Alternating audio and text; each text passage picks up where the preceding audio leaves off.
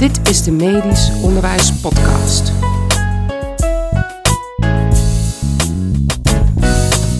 In Rotterdam, in de Doelen, het NVMO-congres. Het is niet in de doelen. Oh, kak, het is niet in de Doelen, hoor ik net. We zitten nog steeds op het NVMO-congres. Het is dag 2, de vrijdag. En ik zit hier met Martin, een collega uit het Radboud UMC. Martin, kun jij jezelf even voorstellen?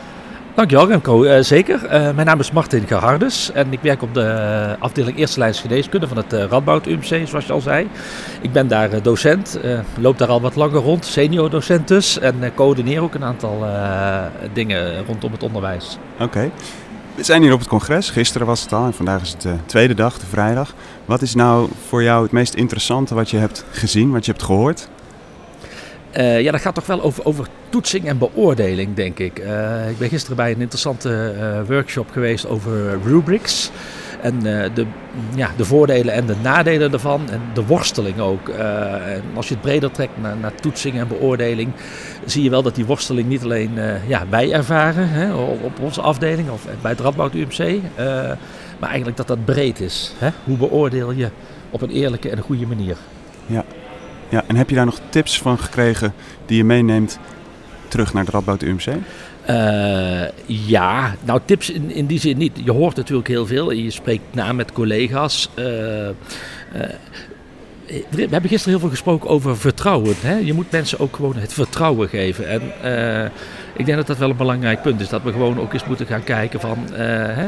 nemen de student in vertrouwen, we begeleiden hem een tijdje wat langer en we spreken dat vertrouwen ook uit. Dus dat is voor jou belangrijker dan dat er een voldoende, of welk cijfer dan eigenlijk ook gehaald wordt? Nou ja, kijk, uiteindelijk uh, hè, moet een student uh, door met een cijfer. Uh, ja. Maar dat kan op verschillende manieren natuurlijk. Ja. ja. ja. Dus waar dat cijfer op gebaseerd is? Um, dat is heel lastig. Hè? Dat zag je ook bij die workshop bij de rubrics. geen enkel meetinstrument is, is perfect. En elk meetinstrument heeft zijn, heeft zijn problemen. Uh, dat is gewoon lastig.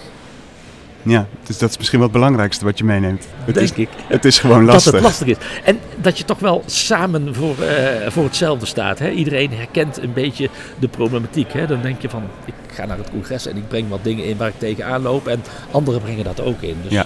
Uh, en dat is dan ook wel weer steunend misschien. Ja, en daarom zijn we hier natuurlijk ook met z'n allen bij elkaar ja. op dit congres. Ja, nou dankjewel.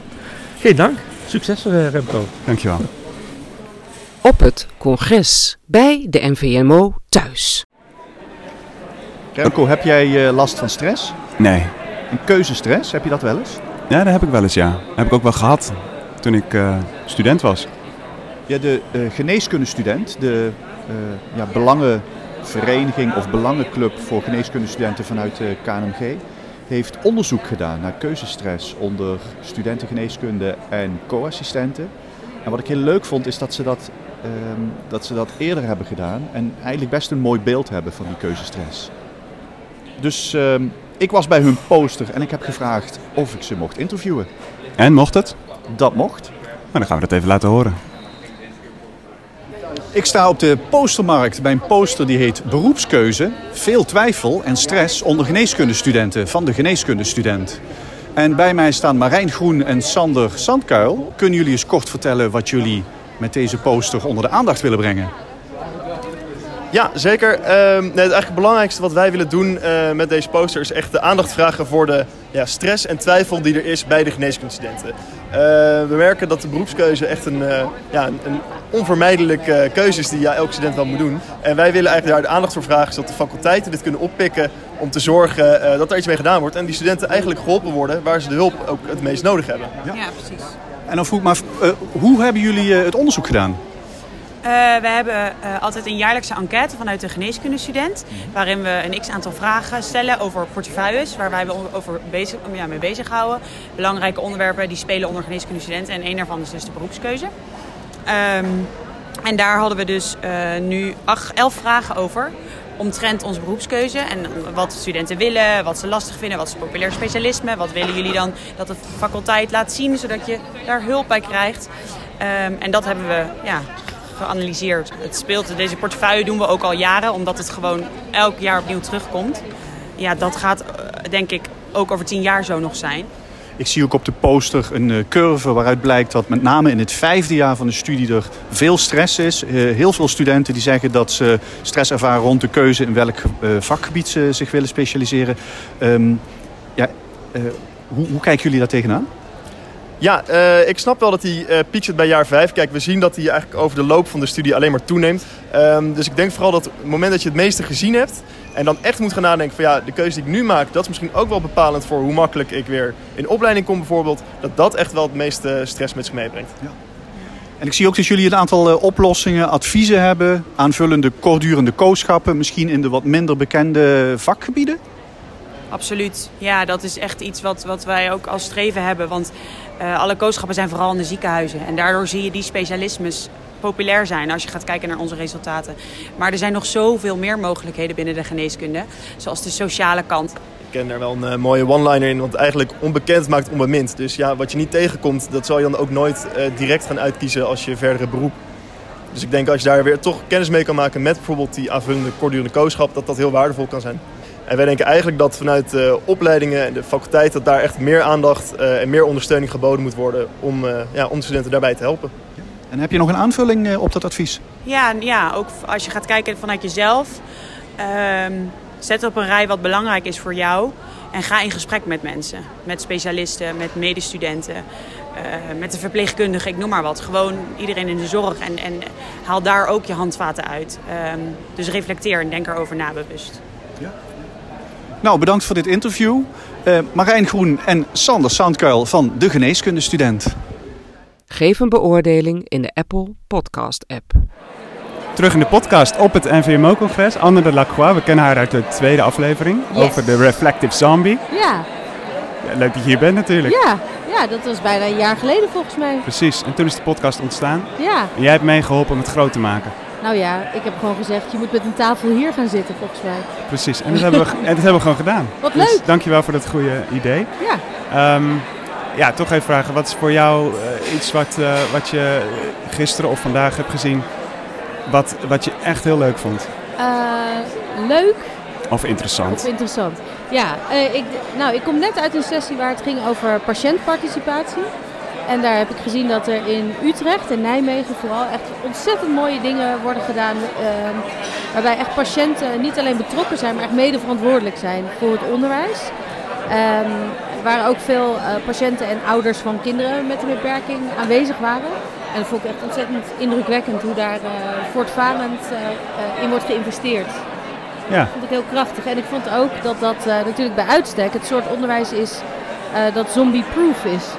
Uh, ja? Als je niet daarna allemaal reflectieverslagen ter toetsing wil. Maar ik denk dat dat soort rijke ervaringen aanbieden. Uh, misschien wel rijkere reflectie uitnodigt. Of in ieder geval iets geeft om over te reflecteren. Ja. Dus uh, volgens mij is de missing link tussen echte reflectie en betekenisvol leren wel betrekken van dit soort rijke ervaringen. Dus daarom was ik er wel ook onder, ja. onder de indruk. Ja, precies. En ik hoorde jou gisteren met Mario zeggen dat je niet alles moet willen toetsen. Ja, precies. Ja, we stonden weer bij de fringe onze anti-toets vlag te zwaaien. Fantastisch.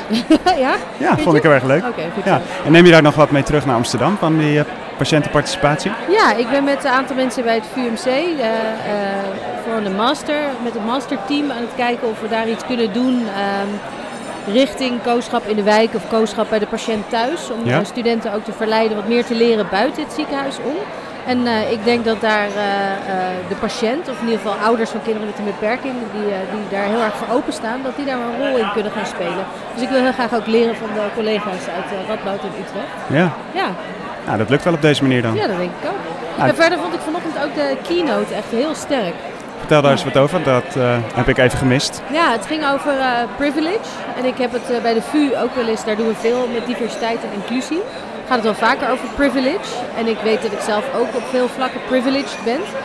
Maar vaak komt daar een soort van ongemakkelijk gevoel bij. Van ja, nu voel ik me schuldig dat ik het wel heb en anderen niet. Dat gevoel, en daar had zij het over. Um, dat het eigenlijk een zinloos gevoel is. Ja. Dat je je niet schuldig moet voelen, maar dat je dat kan omdraaien om te, te vechten met uh, de mensen die niet dat privilege hebben. Waardoor je niet voor ze moet gaan praten. Maar zij, een heel praktische oplossing die ze noemde was amplifying. Dus Ja. als je in een vergadering bent en een collega zegt iets zachtjes of wordt niet goed gehoord. Dat jij die wel een stem hebt, dan zegt, uh, hebben jullie allemaal gehoord wat uh, Huppeldepup net zei. Eh, ik vond dat een hartstikke goed idee. Misschien eh, kunnen we daar even dieper op in. Dus Ja. dat je niet voor ze gaat praten, voor de mensen die wat minder eh, stem hebben, maar op die manier de aandacht probeert te verleggen, Ah. zodat zij een stem kunnen krijgen. En dat vind jij als taalwetenschapper natuurlijk onwijs interessant. Ja, want dat zal ook van alles met de interactie doen en hoe mensen beurten geven en nemen. Ja, Ja. ja. daar ging bij mij ook wel weer een, een, een vlammetje aan. Mooi. ja. Nou, dankjewel. ja, alsjeblieft. En nog een fijn toekomst. Ja, jij ook. Thanks. Een willekeurige deelnemer van het NVMO-congres. We zitten nog steeds op het congres. En nu met eh, Angelique, een van de deelnemers van het congres. Kun je jezelf voorstellen? Eh, goedemiddag, ik ben eh, Angelique van Dongen, ik ben gynaecoloog en ik werk in het Radboud UMC op het gebied van onderwijs. Wat, ehm, Wil je van me weten? Zeg maar, wat wil je van me weten? wat wil je van me weten? Nou, ik wil graag weten, wat heb je hier op het congres gezien wat je echt interessant vond? Ik denk dat ik meerdere interessante dingen heb gezien. Ehm, wat ik, waar ik net ben geweest is de eh, workshop over het onderwijsklimaat. En hoe kun je het onderwijsklimaat nou veiliger maken voor zowel de co-student als de AIOS. En hoe kun je daarin eh, iedereen betrekken. Ehm, waarom ik dat zo interessant vond is omdat ik vind dat we dat echt samen moeten doen. Dus zowel de, degene die onderwezen wordt degene die onder, als degene die onderwijst. Ehm, en hoe daar kan- hebben we ook wel leuke tips en tricks voor meegekregen aan het eind van de workshop. En wat is dan een van de tips hoe degene die onderwezen wordt het veiliger kan maken? Ik denk dat degene die onderwezen wordt het veiliger kan maken door ook wat leiderschap te tonen. Dus laten zien van ik, ik wil graag het onderwijs eh, in een veilig klimaat kunnen krijgen. Ehm, ik wil daarbij betrokken worden. Oké. En is dit iets wat je ook kan eh, gebruiken in de situatie op je eigen werkplek? Eh, ik denk zeker, ik eh, zie dat meer in de rol van de opleider. En ik denk dat het zeker belangrijk is om als opleider ook de tijd te nemen of, en de prioriteit te stellen voor het geven van opleiding en het creëren van een veilig opleidingsklimaat. En wat daarbij belangrijk is om te weten is dat het echt niet zo heel veel tijd hoeft te kosten. Dus dat was ook een van de conclusies. Dat is zeker een van de conclusies. En ik denk dat misschien de belangrijkste wrap-up of take-home message van de workshop was dat we zogenaamde ASO-teams moesten gaan ontwikkelen. En waar staat dat voor? Het ASO-team staat voor dat de andere professional samen met de student als de opleider samen gaat kijken en in gesprek gaat van hoe krijgen we die opleiding beter. Want communiceren is hierbij het sleutelwoord. Oké, dankjewel Angelique. Heel graag gedaan. Dit was hem dan, de NVMO-congres thema-aflevering vanaf het NVMO-congres. Volgend jaar weer. Volgend jaar weer. Tot ziens. Dag. Zo, nou heb ik al zin in een borrel.